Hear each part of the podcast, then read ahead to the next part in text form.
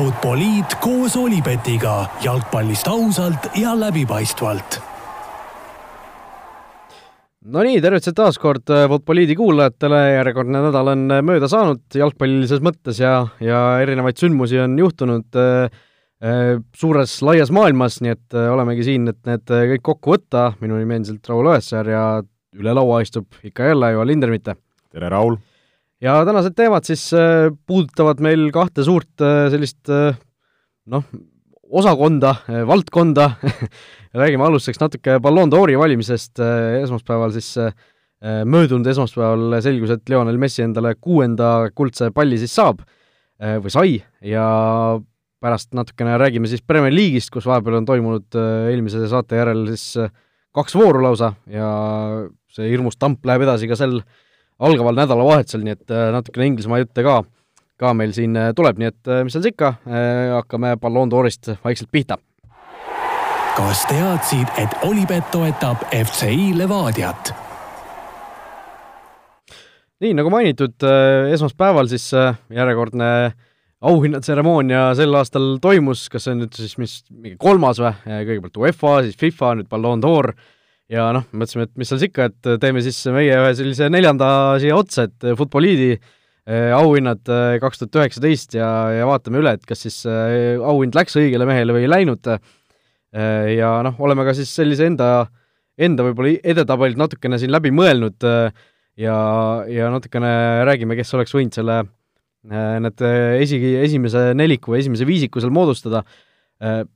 Lionel Messi võitis kuuenda trofee väga-väga napilt, ma ei tea, kas varem on või viimat-, millal viimati nii napilt see oli, Messi sai siis kuussada kaheksakümmend kuus punkti, Virgil van Dijk teisel kohal kuussada seitsekümmend üheksa, ehk siis ainult seitse punkti, see on ikka väga-väga väike vahe, arvestades seda, et neid äh, valijaid oli seal kas sada seitsekümmend kuus, et, äh, et tõesti väga tasavägine oli seitlus ja siis niisuguse kahesaja punktise vahega tuli Cristiano Ronaldo, siis veel sada punkti, sadakond punkti tagapool Sadio Mane, Mohamed Salah, Kylian Mbappe, Alisson, Robert Lewandowski, Bernardo Silva ja Riyad Mahrez seal siis esikümne lõpetasid, aga aga no tõesti, neid auhindu on ikka nii palju, et see järjepidemine läheb ikka sassi, me oleme iga kord seda rääkinud, kui need erinevad FIFA ja UEFA auhinnad ka siin välja on antud, aga aga no ütleme siis, lepime kokku, Ballon d'Or on see õige? no Ballon d'Or on olnud kogu aeg see kõige õigem ja need UEFA ja FIFA, need muud äh, naljaauhinnad lihtsalt üritavad seda Ballon d'Ori väärtust maha tõmmata ja me teame ka ju, kuidas UEFA ja FIFA üritavad kõike väga, väga rangelt kontrollida ja nende asjad oleks kõige paremad, aga Ballon d'Or on see, mis siis läbi aegade on see, see õige olnud ja seda kõige, kõige kõvemat glamuuri endas, endas kandnud. Noh, need erinevad auhinnad ju tegelikult äh, on ka natukene erineva perioodi peale nagu antud, et FIFA auhind on vist nagu terve hooaja ulatuses, eks ju, äh, kuigi see antakse välja vist äh, ikkagi sügisel, noh, hästi, hästi segane see kogu maailm, et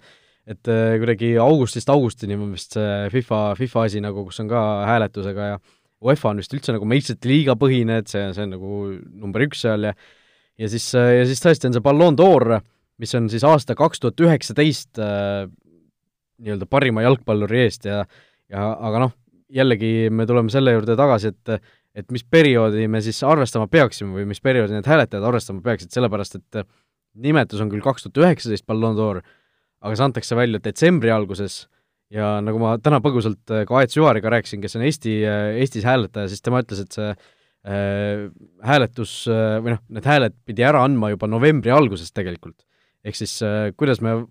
arvestame, ütleme, kaks tuhat üheksateist parimat jalgpallurit, kes kui me kahte viimast kuud aastast nagu üldse ei vaata. jaa, veidikene kummaline see on ja, ja noh, samamoodi sa lööd ju, kui sa hakkad jaanuarit seda võtma, siis sul on noh, ütleme üks üks veerand vähemalt äh, mängitud hooajast, et selline üsna, üsna kummaline äh, periood see on ja, ja noh, siis sõltuvalt ka sellest, kas suvisel ajal äh, noh, olenevalt, mis, mis maailmajaost sa pärit oled, kas sul on seal kohalikud võistlused, rahvusvahelised võistlused või mitte, et neid argumente nagu ühel või teisele mehele võib juhtuda nii, et ühel on palju tugevam see CV selle, selle võitmiseks teatud aastal ja, ja ka vastupidi nojah, et äh, see on sellise Eesti liiga järgi tehtud umbes see graafik ilmselt, et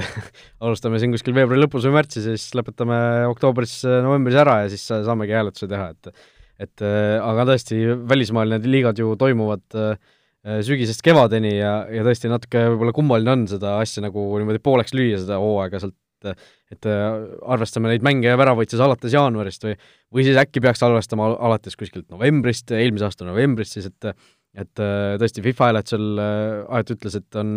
selgelt öeldud augustist augustini, aga Ballon d'Ori puhul tõesti on nagu natukene selline kummaline see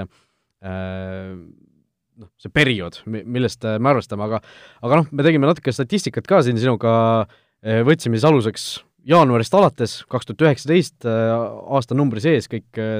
mängud mängitud, võidetud tiitlid, löödud väravad, ja, ja panime natukene enda sellist tabelit siin kokku, et noh, me olime ikkagi esineliku osas ühel nõul, ütleme ette ära, viies koht oli selline, mis mis noh, jäi natuke selliseks meie jaoks ka natuke lahtiseks, et seal on mitmeid, ütleme, lähenemisi, mis sinna võiks panna, et Mohamed Salah sai siis äh, ametlikult selle viienda koha, aga me vaatasime, et noh, Salah tegelikult äh, selle, selle aasta jooksul on löönud Premier League'is äh, noh, naljakas öelda ainult viisteist väravat, aga noh, võrreldes mõne teisega ainult viisteist väravat või võrreldes mõne tema enda eelmise hooajaga viisteist väravat, et äh, Aafrika rahvuste karikal Egiptusega ei jõudnud kuskile kaugele äh,, meistrite liigas tuli tiitel, aga kas Salahi asemele oleks, oleks paremaid äh, valikuid tegelikult? minu, minu meelest on. no kui me vaatasime, sa kiirelt lugesid ette ka, et kuuendal kohal Guillaume Pape ja seitsmendal kohal ähm, Allison, siis noh, Pape selles suhtes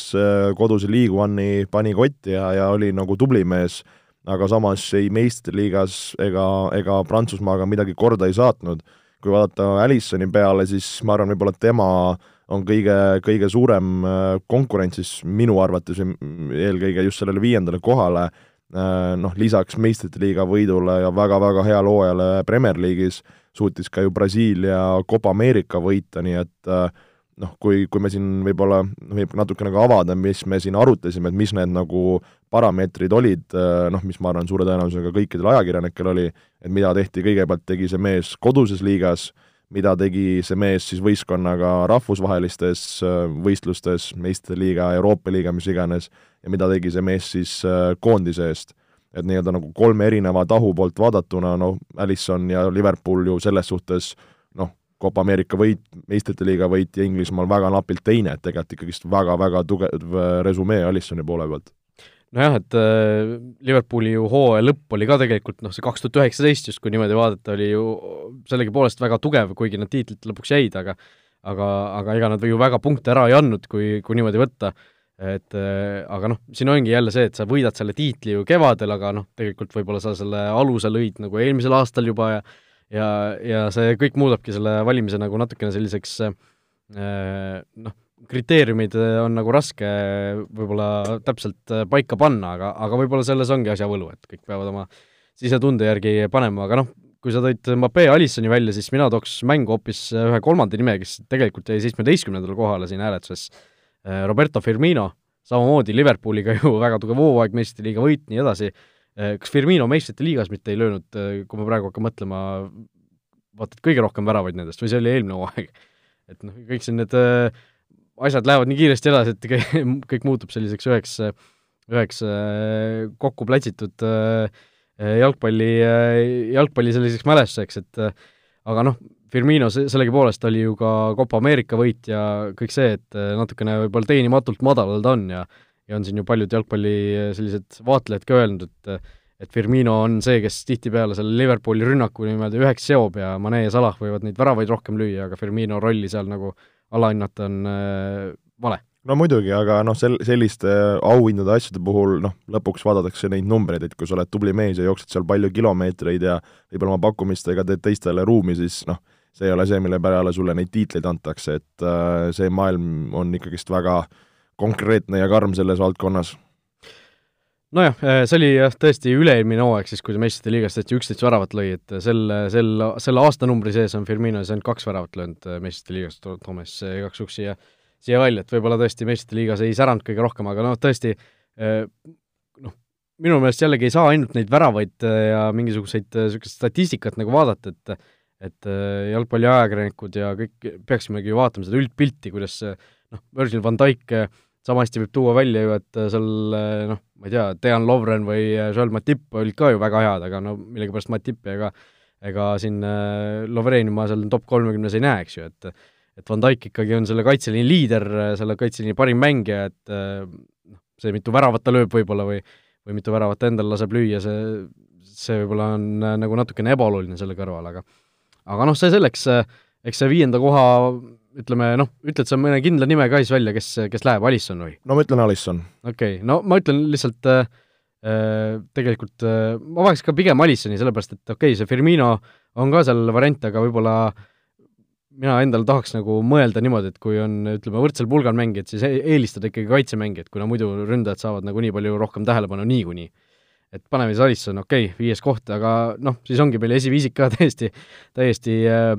ühine, Sadio Mane sai neljanda koha Ballon d'Ori hääletusel ja saab ka siis meie tabelis neljanda koha. just, no Liverpoolist rääkisime, suurepärane hooaeg ja tegelikult äh, Aafrika rahvuste karikal äh, viis võistkonna finaali, kus pidid Alžeerialt null-üks äh, kaotuse välja võtma, et, et tahtsid oma, oma riiki ka väga kaugele, noh, jällegist nagu me ütlesime, need kolm erinevat tahku või, või parameetrit on väga tublilt täidetud ja, ja minu jaoks igati loogiline, et see mees neljandal kohal on. jah, ja kolmandal kohal jõuame top kolme juurde ja, ja siin on nüüd äh, tõesti äh, oleme jällegi ühel nõul päris äh, Ballon d'Ori hääletusega, Cristiano Ronaldo ikkagi noh, tuleb tunnistada, tema hooaeg või tema aasta ei ole olnud nii kõva kui Messil ja Van Dijkil, äh, kolmas koht ikkagi selgelt. no selge, noh Ronaldo puhul, kui ta on ka varasemalt võitnud, siis mis on temal Real Madridi puhul kaasa rääkinud, on eks ju need meistriliiga võidud, et see aasta Serie A tiitel jah, lisaks äh, Portugaliga rahvuste äh,, rahvuste rahvuste liiga võit. rahvuste liiga karikas, tahtsin öelda rahvuste karikas äh,, rahvuste liiga karikas endale ka pealkohale tõstetud Portugaliga, mis ei ole ka kehv kehv saavutus, aga noh, see noh, Cristianos sellel hooajal või sellel aastal, siis oleme täpsemad, noh, polnud nii-nii võimas, et, et päris sinna esimese koha mängu sekkuda ja, ja selles suhtes ma arvan, äh, noh, üsna, üsna õigustatult kolmandal kohal. Nojah, see Ronaldo suurim argument ongi võib-olla sel hooajal see Rahvuste Liiga võit Portugaliga, et et järjekordne noh, kõik võit või karikas Portugali, Portugali koondisega äh,, ei Messi, ei Van Dijk, ei Mane, ei Salah, ei Mbappe, isegi kuuikut vaadates ei võitnud ühtegi tiitlit äh, rahvuskoondisega sel aastal ja noh, aga noh, samas tuleb võtta seda, et see Rahvuste Liiga ei ole kindlasti nii äh, prestiižikas kui isegi mingisugune Aafrika rahvuste karikas Copa Ameerika, rääkimata siin EM-idest, MM-idest, et see on äh, ikkagi selline pigem teisejärgulisem äh, tiitel praegu, kuigi ta noh, ilmselt no ta võib, ta võib veel sinna tõusta, aga noh, no ma, ma arvan, et ta ei no, tõuse. ei no ma ei ütle, väidagi, et ta siin EM-i või MM-i kandadele tõuseks, aga aga äkki üks hetk, kui see võib-olla on rahvale nagu harjumuspärasem, siis võib-olla tuntakse sellest rohkem, rohkem rõõmu ja uhkust, aga, aga noh, kindlasti ta jääb selliseks noh, ei oska öelda. no teis-, teisejärguliseks no tiitliks, ütleme koondist, koondiste mõttes, et et Ronaldol tõesti sel aastal siis äh, Serie A-s ka tegelikult need väravad äh, ei ole tulnud nii äh,, nii kõvasti, kui oleks võib-olla võinud arvata või selline mulje jääb kuskilt kõrvalt vaadates, kui neid igapäevaselt neid protokolle ei puuri, kakskümmend kolm mängu, kolmteist väravat siis sel, selle aastanumbri sees Serie A-s Ronaldol. Eh, noh, mis on küll head numbrid, on ju, aga noh, mitte päris Ronaldo sellised eh, tippaegade numbrid kindlasti mitte. meistrite liigas Juventusega ju äh, ajaksi vastu langeti juba veerandfinaalis välja, kuigi Ronaldol neli mängu, viis väravat meistrite liigas äh,, noh, seal ta ju alati pingutab, alati tahab. ja koondise eest äh, tõesti, koondis on tema selline selle aasta kõige suurem õnnestumine, kümme mängu, neliteist väravat. no see on rets, oleme ausad. aga noh, eks siin ole valiksari oli ka mingisuguste Leedude ja asjade vastu korralikult siin kõmmutas, on ju. aga tõesti noh, me teame, Ronaldo on ise ka välja öelnud, et äh, ta võimaluse korral Serie A-d ei mängikski, mängiks ainult meistrite liigat, mängiks ainult koondise mänge, et et äh, noh, see paistab tema statistikast ka välja, kuhu ta oma nii-öelda jõu koondab nojah, Juventusel see luksus on, et sa võid seal poole käiguga tiksuda ja ikka no, tuled samas äh, praegu on ju viimases voorus tehti viik, langeti Interi selja taha jällegi, et no selles suhtes selle aasta Inter nüüd äh, annab korralikult tuld ja, ja Contega eesotsas nad äh, pusivad, noh, lihtsalt varasemad aastad on olnud see, kus, kus Juventus võib juba hooaja esimeses mängus omale kulla ja, ja diplomi välja kirjutada, et et no loodame, et Inter suudab või või, või keegi muu sealt Itaaliast natukene seal Juventuse kandadele astuda, aga aga noh, selles suhtes on veel kõvasti-kõvasti minna seal Serie A-s, nii et äh, no vaatame, mis, mis hooaja lõpuks seal, seal välja tuleb. jah, ja nüüd olemegi jõudnud esimese kahe koha juurde, Ballon d'Ori võitis Messi, aga meie arust oleks pidanud võitma Virgil van Dijk. ja noh, mis argumendid on?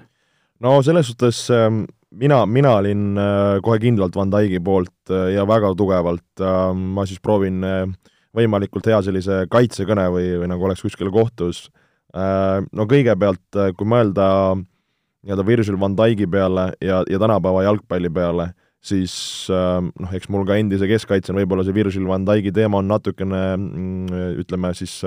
südamelähedasem aga, aga üks mees, kes on siis jälle kaitsmise mõnes mõttes või kaitsemängija rolli toonud äh, maailmas noh, ütleme jälle nagu moodi või, või, või mis, mida jälgitakse, mida tuuakse välja ja see, kuidas ta on väljakul kaitses, noh, siin olid ju statistikast, kuidas terve aasta jooksul praktiliselt keegi temast mööda ei läinud, kuidas ta oli täielik võistkonna liider, äh, kui jõuline, kui hea ta on väljakul, et, et see on midagi, midagi väga-väga, ma arvan, erilist just, just viimase aja puhul. Kui vaadata tema tegemisi äh, klubi eest, noh, Liverpooliga napp teine koht äh,, siis äh, meistriliiga võit, väga tugev argument, pluss äh, siis ka tegelikult Rahvuste Liigas jõuda äh, finaali Hollandi võistkonnaga, keda, keda väga ei oodatud, et võiks seal mängida, võitsid ka oma alagrupi Saksamaa ja Prantsusmaa ees, ehk äh, ehk niisuguse, ütleme nagu Hollandi mõttes underdogi toomine ka finaali kindlasti, kindlasti tema, tema töö ja, ja noh, kui sul teeb üks kaitsemängija nii silmapaistva hooaja äh, ja nagu eduka hooaja, siis noh, sa tõid ennem välja ka, et noh, alati nagu eelistatakse ründajat. et kui, kui minu arvates Messi, kes jah, on, on vägev, vägev mängija, ma ei, ma ei saa mitte midagi öelda, aga minu jaoks tema argumendid on see, et ta võitis La Liga, oli seal väga hea, sellest ei saa mööda vaadata, Copa Americal poolfinaalis väljalangemine, meistrite liigas poolfinaalis väljalangemine noh, Messi ei olegi ju praktiliselt äh, koondisega mitte midagi kunagi toonud, kui ma ei eksi, kas U kakskümmend mm või, või pronks või mis seal on, ma ükskord vaatasin selle järgi,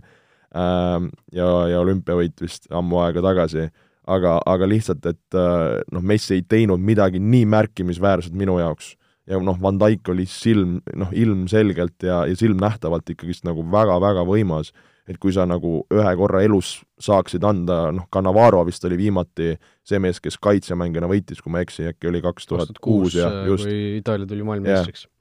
et kui sul on võimalus nagu anda see nagu kaitsemängijale, siis noh, millal sa veel annad, kui mitte praegu Van Dijkile. Et äh, mäletan, kas oli siis, kui Saksamaa tuli ka MM-i võitjaks, kui oli õhus, kas Neuer võiks saada, kus Neuer tegi ka noh, ulmelise hooaja, et, äh, et kui sul on võimalus nagu heas mõttes nagu välja tuua või tassida teistsugust mängijat kui, kui klassikalist ründajat, kes neid väravaid lööb, siis no noh, ma ei tea, minu jaoks on no, nii puhas Van Dijk, kui, kui olla saab. ma ei, ma ei näe, kuidas lihtsalt La Liga võitmine öö, on nagu nii tugev argument, et saada Ballon d'Or. jah, ma, ma olen äh, täiesti sinuga nõus selles suhtes, et äh, jällegi, kui sul on kaitsemängija ja ründemängija nii-öelda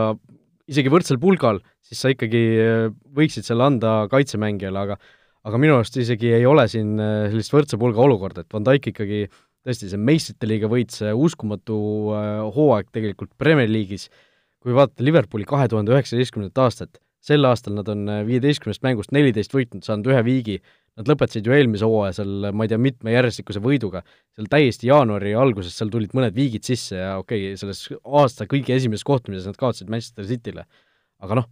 mitu olulist mängu Liverpool üldse kaotanud on rohkem selle, selle aasta jooksul. ja neid viike on ka ülivähe olnud, et tegelikult kui sa vaatad ainult seda aastat, siis noh, sa ei, sa ei saa nagu sellest mööda vaadata, et Liverpool on üli-ülivõimas olnud, Van Dijk selle eesotsas ja noh äh,, ausalt nagu noh, tõesti rööviti talt see maailma parima mängija tiitel praegu, et äh, no kui sa punni, kui sa punnitad, kas sa leiaksid nagu Messi puhul selliseid argumente, mis äh, mis äh, noh, tooks siis selle võidu sinu arvates temale? no Messi puhul, no Messil kindlasti parim edurivi mees sel hooajal, et äh, kui me noh, seda statistikat ka siin välja tõime, Messil siis sel, selle aastanumbri sees kakskümmend seitse liigamängu, kakskümmend üheksa väravat neis, meistrite liigas siis üksteist mängu, kaheksa väravat, koondisest kümme mängu, viis väravat, äh, ehk siis kokku olulistes mängudes, me ei võtnud siia karikamänge, kohalikku karikamänge sisse, et olulistes mängudes nelikümmend kaheksa mängu, nelikümmend kaks väravat, noh, nelikümmend kaks väravat ühe aastaga, see on ikka sõge. no Et noh, muidugi on. et Ro-, Ronaldol, Cristiano Ronaldol siis vastavad näitajad kolmkümmend seitse mängu, kolmkümmend kaks väravat, eks peaaegu kümme mängu või noh, üle kümne mängu vähem ja kümme väravat vähem. et noh, Messi ikkagi oli selgelt äh, superhoos, ta see võib-olla kõige super-superhoog jäi eelmise hooaja algusesse päris, kus ta seal äh, La Ligas ka ju ikkagi väga iga, iga nurga alt äh, pani neid äh, tabamusi sisse, et äh, ma korra vaatan siis, noh, kolmkümmend kuus väravat ta lõi ju eelmise hooaega kokku ja kui ta sel hooajal on löönud üheksa, siis noh, ta, vaatan korra, et eelmise, eelmise aasta numbri lõpuga või noh, kahe tuhande kaheksateistkümnendal aastal ta lõi ju seal kolme-nelja kuuga noh, ikkagi üle kümne väravat tugevalt, peaaegu seal viisteist, kakskümmend, et et neid tabamusi oli ikka tal nii palju, et ta ikkagi väärib seda esikolmiku kohta kindlasti, aga just see, et kui, kuidas sa arvestad seda, kui palju see, või noh, kui palju sa arvestad nagu parima valimisel seda võistkondlikku edu, neid tiitleid, Messil Barcelonaga, noh, Liverpoolil nad ju kaotasid meistrite liigas, eks ju, poolfinaalis väga valusalt ja, ja tõesti Copa Ameerikal ka taas äh, tiitlit ei tulnud, et noh,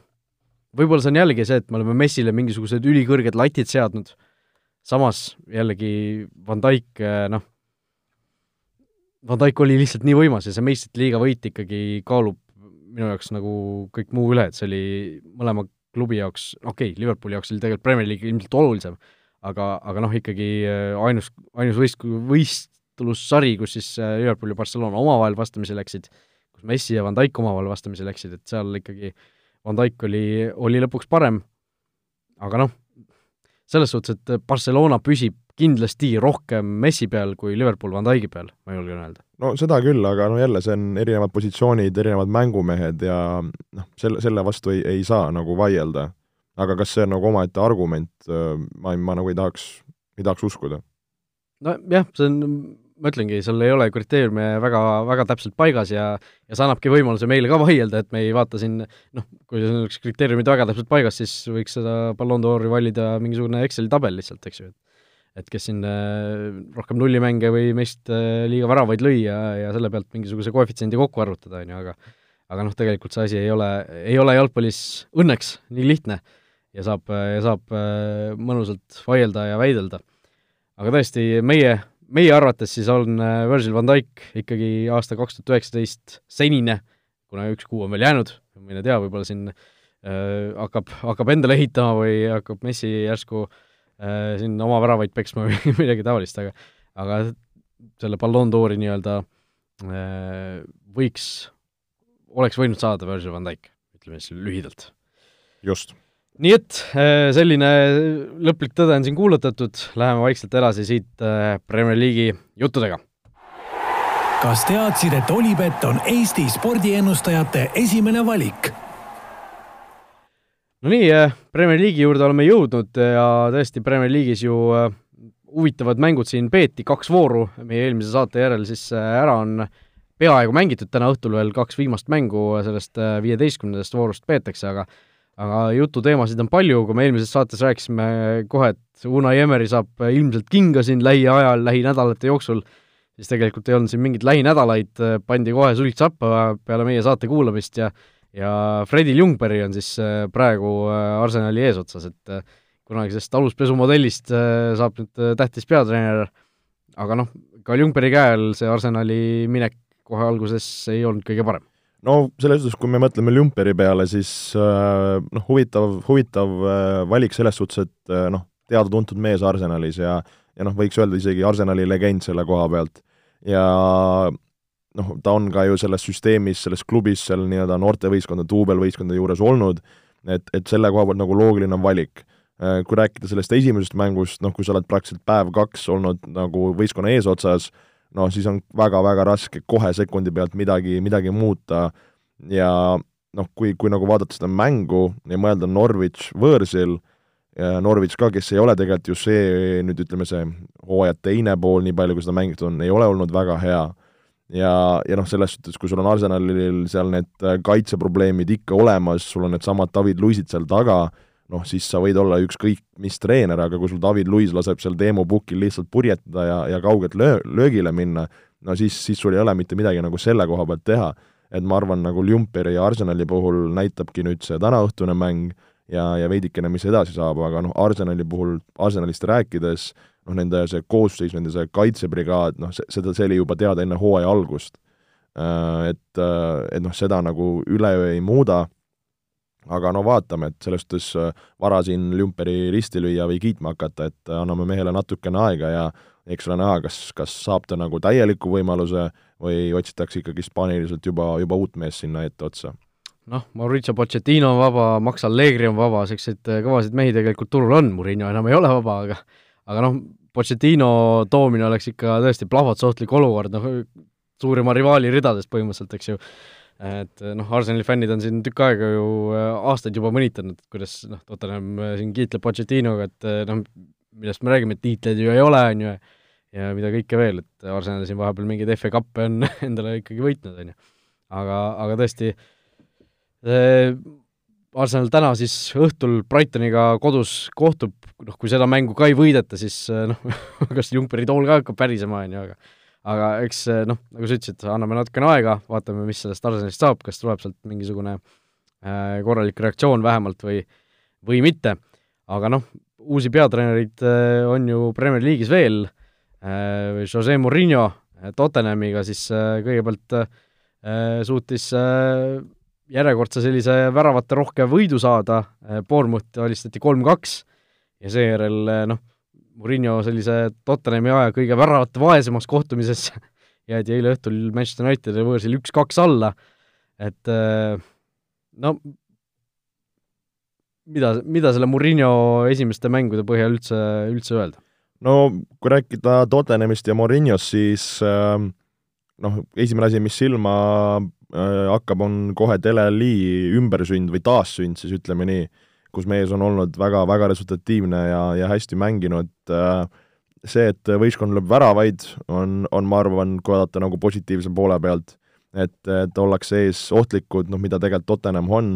äh, veidikene üllatuslikult on, on Tottenham Murillo käe all just neid mängu lõppe ära andnud, sest noh, me teame ju, varasemalt Murillo oli ju ekspert selles, kuidas neid mänge ära tappa, kuidas need kaitses ära istuda et, et seda kindlust või seda oskust pole veel suutnud Morinho siin äh, esimeste nädalatega nagu võistkonnale anda,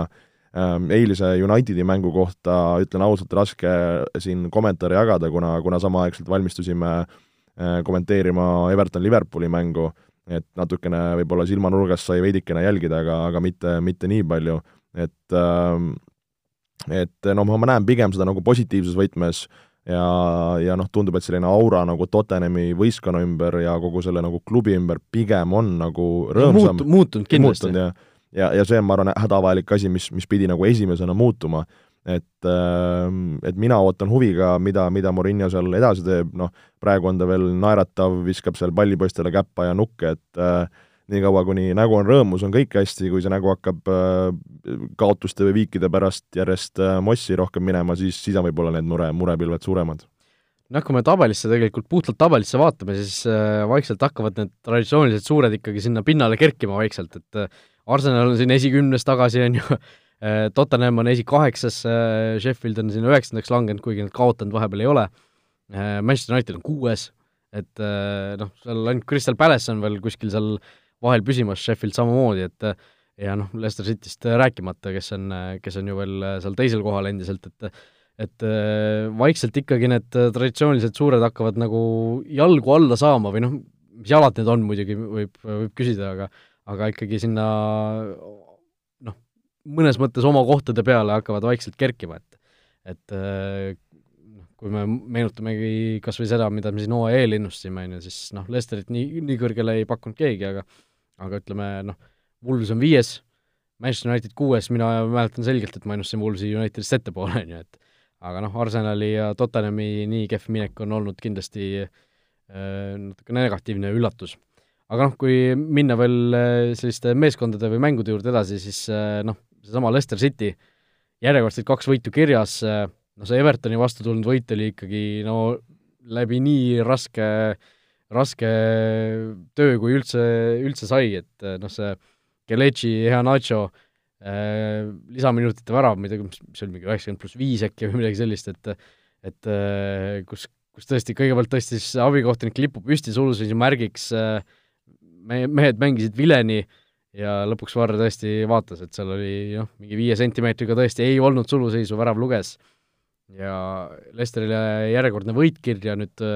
eile õhtul said veel seitsmenda võidu järjest kirja, mis on nende Premier League'i rekordi kordamine, või noh, Inglismaa kõrgliiga rekordi kordamine, seitset võitu järjest ei saadud isegi sellel kuulsal tiitlihooajal, et et noh, see, see Lester on tõesti midagi erilist, taaskord. no taaskord ja seda on ju ainult äh, rõõm, äh, rõõm tõdeda, noh, kui vaadata, vaadata Lesteri suunas, siis äh, tegelikult see äh, graafik, mis neil ees ootamas kuni siin jõuluperioodini, on okei. okay,, aga siis on Lesteri jaoks, ütleme, kaks tiitlimatši, kui juba võib nii öelda, kõigepealt ka-, kahekümne esimesel detsembril mängitakse võõrsil Manchester City'ga, ja siis pärast äh, jõule Boxing Day'l kahekümne kuuendal detsembril mängitakse kodus Liverpooliga, nii et äh, kui sealt juhuslikult peaks tulema kahest kaks ja võetakse mõlemad vastased ära, no siis võib-olla hakkame juba rääkima Lesteri tiitlist, et äh, et no tõesti, Lesterist noh, iga kord on väga tore ja positiivne rääkida ja, ja, ja äge on näha, et et nad sellise, sellise laine harjal praegu purjetavad ja, ja ma usun, et selline hea, hea vibe või, või energia, mis neil praegu on, kandub siia vähemalt järgmisesse kolme mängu, kus neil on vastas Aston Villa, Norwich ja Everton, et sealt, sealt sõidetakse ka rahulikult võitudega edasi. nojah, kui, kui sa mõtled, mis on, ütleme, Lesteri selle tiitlihooaja ja praeguse hooaja eh, nii-öelda ühised nimetajad mängijate mõttes, noh, Kaspar Schmeichel, Kristjan Fuchs, noh, neid on tegelikult väga üksikuid, eks ju. Ja noh, põhiline Jamie Vardi. no Jamie Vardi noh, täiesti ka jälle taassünd, neliteist väravat juba praegu kirjas, no mis, noh, kui me oleme natukene Lesterist siin varem ka rääkinud, et see võistkond on, on ühtlasem, seal on keskväljal sellised uued huvitavad näod, nooruke Juri Tilemans väga hästi mängimas, noor inglane James Madison, väga-väga ka aktiivne olnud, Ben Chilwell vasakkaitses, Pereira, et, et seal nagu kvaliteediga mängijaid on ja noh, samamoodi ka uus keskkaitsepaar, et nagu need pusletükid on nagu heas mõttes paika loksunud, Brendan Rodgers seal ees samamoodi tundub väga, väga hästi seda asja sealt nagu jagavad, et äh, ma nagu noh, ainuke murekoht on siis, kui nüüd Vardi mingil põhjusel kas vorm läheb kehvemaks või enam nii palju väravaid ei suuda lüüa, et siis võib-olla võiks vaadata, et Lesteril nagu on nagu selline raskem aga niikaua, kuni Vardi lööb ja võistkonnal läheb hästi, siis ma ei näe nagu põhjust, kus nad väga nii-öelda kas komistama peaksid või, või neil kehvasti minema peaks. just nimelt, äh, noh, võtame edasi siin, Manchester City tegelikult sai, sai kindla võidu äh, siin Burnley üle ja, ja aga noh, enne seda nädalavahetusel järjekordne libastumine Newcastle'i vastu võõrsil kaks-kaks, et noh, see City ikkagi no tahaks nagu öelda, et ei ole see, kes meistriks tuleb see aasta, see, see hooaeg. no jah, mina ütleks ka niimoodi, et noh, John Joe Shelby kaheksakümne kaheksandal minutil äh, endine Liverpooli mees paneb äh, kaugelt kasti tagant ilusti löögi ära ja, ja võtab väga valusa viigi City jaoks välja. No jällegi, kui me siin üks, üks saade ka rääkisime, et noh, kui sa oled Manchester City, tahad mängida tiitli peale, sa sõidad külla Newcastle'ile, kes on ka, oleme ausad, pigem olnud see hooaeg ikka, ikka üsna kehva, nüüd natukene viimasel ajal on veidikene rõõmsamaks neil olukord läinud, aga kui sa teed seal viigi, noh, kui vaatasin seal äh, seda mängu äh, highlights'e ka hiljem järgi, siis noh, äh, kommentaator ka pärast lõpuvilet ütles, et kas see on nüüd see koht, kus, kus City jaoks on rong läinud, noh, praegu, praegu see eduseis Liverpoolil City ees on üksteist punkti üksteist punkti, mis on ikka väga-väga palju, ehk põhimõtteliselt neli, neli võitu, eks, no et ähm, ja ainult üks omavaheline mäng on veel ees, eks ju, kus sa, kus sa nii-öelda otseselt saad punkte ära võtta, et sa pead ikkagi päris palju lootma, et äh, teised suudavad, kui Liverpool on seni esimese viieteist vooruga andnud ära tervelt kaks punkti et on tegelikult ikka päris pöörane mõelda, on ju. et, äh, et noh, Liverpool kas üldse annab nii palju punkte enam sel hooajal ära, võib, võib mõni siin optimistlikum küsida, mina ütlen, et annab küll on ju, aga noh, see, see tõesti, see vahe läheb ikka päris, päris äh, üüratuks praegu City jaoks ja noh, tundub, et kas mingisugune värskus on sealt puudu sellest meeskonnast või mis seal valesti võib nagu olla, huvitav? no selles suhtes äh, no on neil olnud ka probleeme veidikene siin vigastustega, Pepp on üsna palju koosseisuga mänginud, aga jah, selline võib-olla see sära või, või see kirg, mis, mis esimesel kahel aastal just nagu kui City need tiitlid võitis, neid väga iseloomustas, kuidas kogu võistkond pressis, jooksis, nägi vaeva, ründas. Ja, ja ma arvan, üks asi on ka see, et vastased, vastastreenerid, liiga on natukene selle City mänguga kohanenud, on saanud nende vastu juba päris korralikult mängida, korrektuure teha, et see ei ole nagu enam selline suur üllatus, et see City laviin tuleb, et juba teatakse neid käike, osatakse neid paremini kinni panna. Ja, ja noh, mida, midagigi on seal puudu, et et noh, me oleme sellest varem rääkinud ka, Cityl on see võimekus tulla, panna see gaas põhja ja sõita kõigist üle, aga kas nad suudavad seda teha ja kas nad suudavad seda niimoodi piisavalt teha, et samal ajal ka Liverpool käkib ja punkte kaotab, noh, tundub, tundub hetkel veidikene ebareaalne. Jah, äh, Chelsea kaotas samuti tegelikult nädalavahetusel punkte West Hamile, nad kuidagi suutsid kodus kaotada null-üks, äh, noh, see mäng võib-olla kõige ägedam statistika, mida seal lõpus ekraani peal näidati, oli see, et äh, kuskil üheksakümne minuti paiku Chelsea oli teinud täpselt null viga, West Ham oli teinud kuusteist viga. et äh, noh, niisugust asja nagu polegi varem näinud vist äh,, vähemalt minu silme. aga noh, Chelsea ikkagi, nemad oma hooajaga seni võivad vähemalt rahul olla kui nad oleks, kui neile oleks enne öeldud, et te olete viiest vooru ajal Cityst kolm punkti maas ainult, on ju, siis noh, kõik oleks ilmselt avasüli vastu võtnud selle, selle, mis tuleb ja tegelikult noh, neljas koht praegu ei ole üldse paha,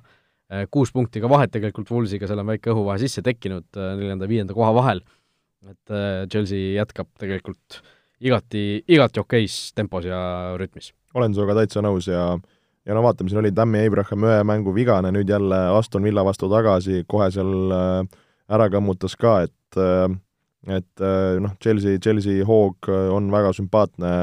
nüüd järgmises voorus ka, järgmine Londoni derbi sõidetakse külla, vabandust, ei ole, sõidetakse külla Evertonile, kes, kes just sai siin Liverpoolilt pähe, kas seal on Marko Silva eesotsas või ei, eks me siin paari päeva jooksul saame teada, aga ka ütleme, üsna, üsna keeruline mäng neil võõrsil võib-olla ees ootamas. Nojah, Marko Silva pilk pärast seda, kui see hea Nacho värav ära loeti selles Lesteri kaks-üks võidumängus, noh, see oli ikka selline, et noh, li-, lihtsalt ei usu ühest küljest, teisest on lootuse kaotanud ja noh, aga noh, praegu on ta vist endiselt ametis, ei ole siin viimase tunni aja jooksul midagi refresh inud, et sa võtsid kohe telefoni kätte. igaks juhuks vaatan üle aga, aga tõesti, no ma räägin samal ajal edasi muudest asjadest, Manchester United tõesti kuuendale kohale tõusnud, püsis kaotuseta kahe mängu jooksul, aga noh, see Villa vastu tehtud kaks-kaks viik oli ikkagi pettumus, aga noh,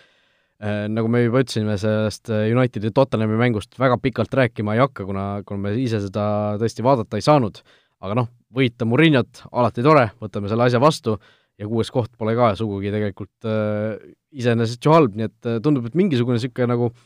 äh, noh, niisugune rütm on nagu kätte saadud või nagu on, kõik on nagu äh, lõpuks saanud aru, kuhu poole liigutakse, mida nagu tehakse, samas noh, ma ütlen, ma iga kord siin no, iga, iga saade nagu täiesti seinast seina need arvamused, aga noh, selline see elu juba on. sul on jah, niisugune naiivne arvamus, et kõik on väga hästi, kõik on väga pekkis, et äh, no mi-, noh, ma olen sinuga veidikene nõus, et mingit nagu stabiilsust oleks näha, aga noh, seda, kas see stabiilsus ja kas see äh, no see Tottenhami võit kodus kõige selle juures on nagu mingisugune niisugune juhuslikkuse faktor kogu aeg sees. just, just. et äh, noh, see Tottenhami võit ka nagu noh, tuli siis tuli, aga nagu noh, ei, ei suudeta nagu stabiilselt niisugust head taset hoida, on ju, et äh, noh, ma ei tea. ja no Unitedi puhul ju ees ootamas nädalavahetusel ikka väga-väga tummine, tummine kohtumine, kus äh, sõidetakse külla siis kodusele rivaalile Manchester Cityle ja, ja laupäeva õhtu üheksateist kolmkümmend see mäng peetakse äh, nii et kaks niisugust väga vihast linnaderbit siis ühe nädala jooksul juba Inglismaa liigas me saame. Jah, no Manchester City Unitedi mängust kohe veel räägime, mainime selle teise linnaderbiga või räägime sellest ka natuke ära, Merseyside'i derbi eile õhtul, Liverpool viis, Everton kaks, esimesel poolajal juba neli-kaks see seis, seis oli, tõesti kõva paugutamine käis, lõpuks Wijnaldum veel viimasel minutil ühe lisas, et äh, Äh, Liverpooli peatreener äh, Jürgen Klopp tegi vangerdusi, tegi julgeid vangerdusi, nii Salah kui Firmino äh, jäid, jäeti pingile, lisati siis algkoosseisu Divock Origi ja Sheridan Shakiri, kes ei ole, ei ole sel hooajal väga palju üldse mänginud, aga noh, esimese poole tunniga juba Origil oli kaks, Shakiril üks kirjas, Maneelt suurepärane mäng, tema sai ka oma värava kirja, et noh, sellist Liverpooli on raske peatada. no tõesti, et et äh, kui sa võtad seal need parimad mehed ära, viskad uued mehed sisse, Shakiri, kes oli sellel hooajal kokku mänginud neliteist minutit, ja, ja tuleb ja kui õigesti mäletan, kas oli esimene põhikoosseisu alustamine liigas äh, pärast eelmis-, noh, eelmist jaanuari siis või siis selle aasta jaanuari, et, äh, et tulla niisugusel hetkel sisse tähtsas mängus, olla aktiivne, lüüa värav ära, noh, Origi selles suhtes täielik Evertoni uputaja on, kas, kui õigesti mäletan, seal juba Merseyside derbis viis tükki erinevates mängudes kirja saanud, et äh, jah, kui võib-olla äh, alguses koosseise nähes panin kukalt kratsima ja mõtlema, et kas Klopp võib nüüd omale näppu lõigata, siis, siis näitas tõesti, et äh, seda sügavust, seda kvaliteeti on, suudab äh, mängijaid nii-öelda panna, panna ka mängima neid, kes, kes võib-olla ei ole kõige paremas rütmis, ja noh, kui sul tulevad varumehed, kes paugutavad, sul tulevad põhimehed, kes paugutavad, no siis ma tõesti ei näe, kuidas, kuidas seda võimalik pidurdada oleks. jah, ja no ma ütlen sulle ühe nime,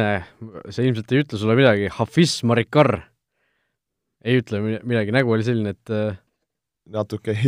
jääb, jääb veidikene segaseks. igatahes see on üks mees äh, Ballon d'Ori hääletusel, kes hääletas siis äh, Trent Alexander-Arnoldi number üheks. Sri Lanka ajakirjanik Daily Newsist tema see top viis läbi ajaloo üldse viimasel kolmel aastal on olnud väga,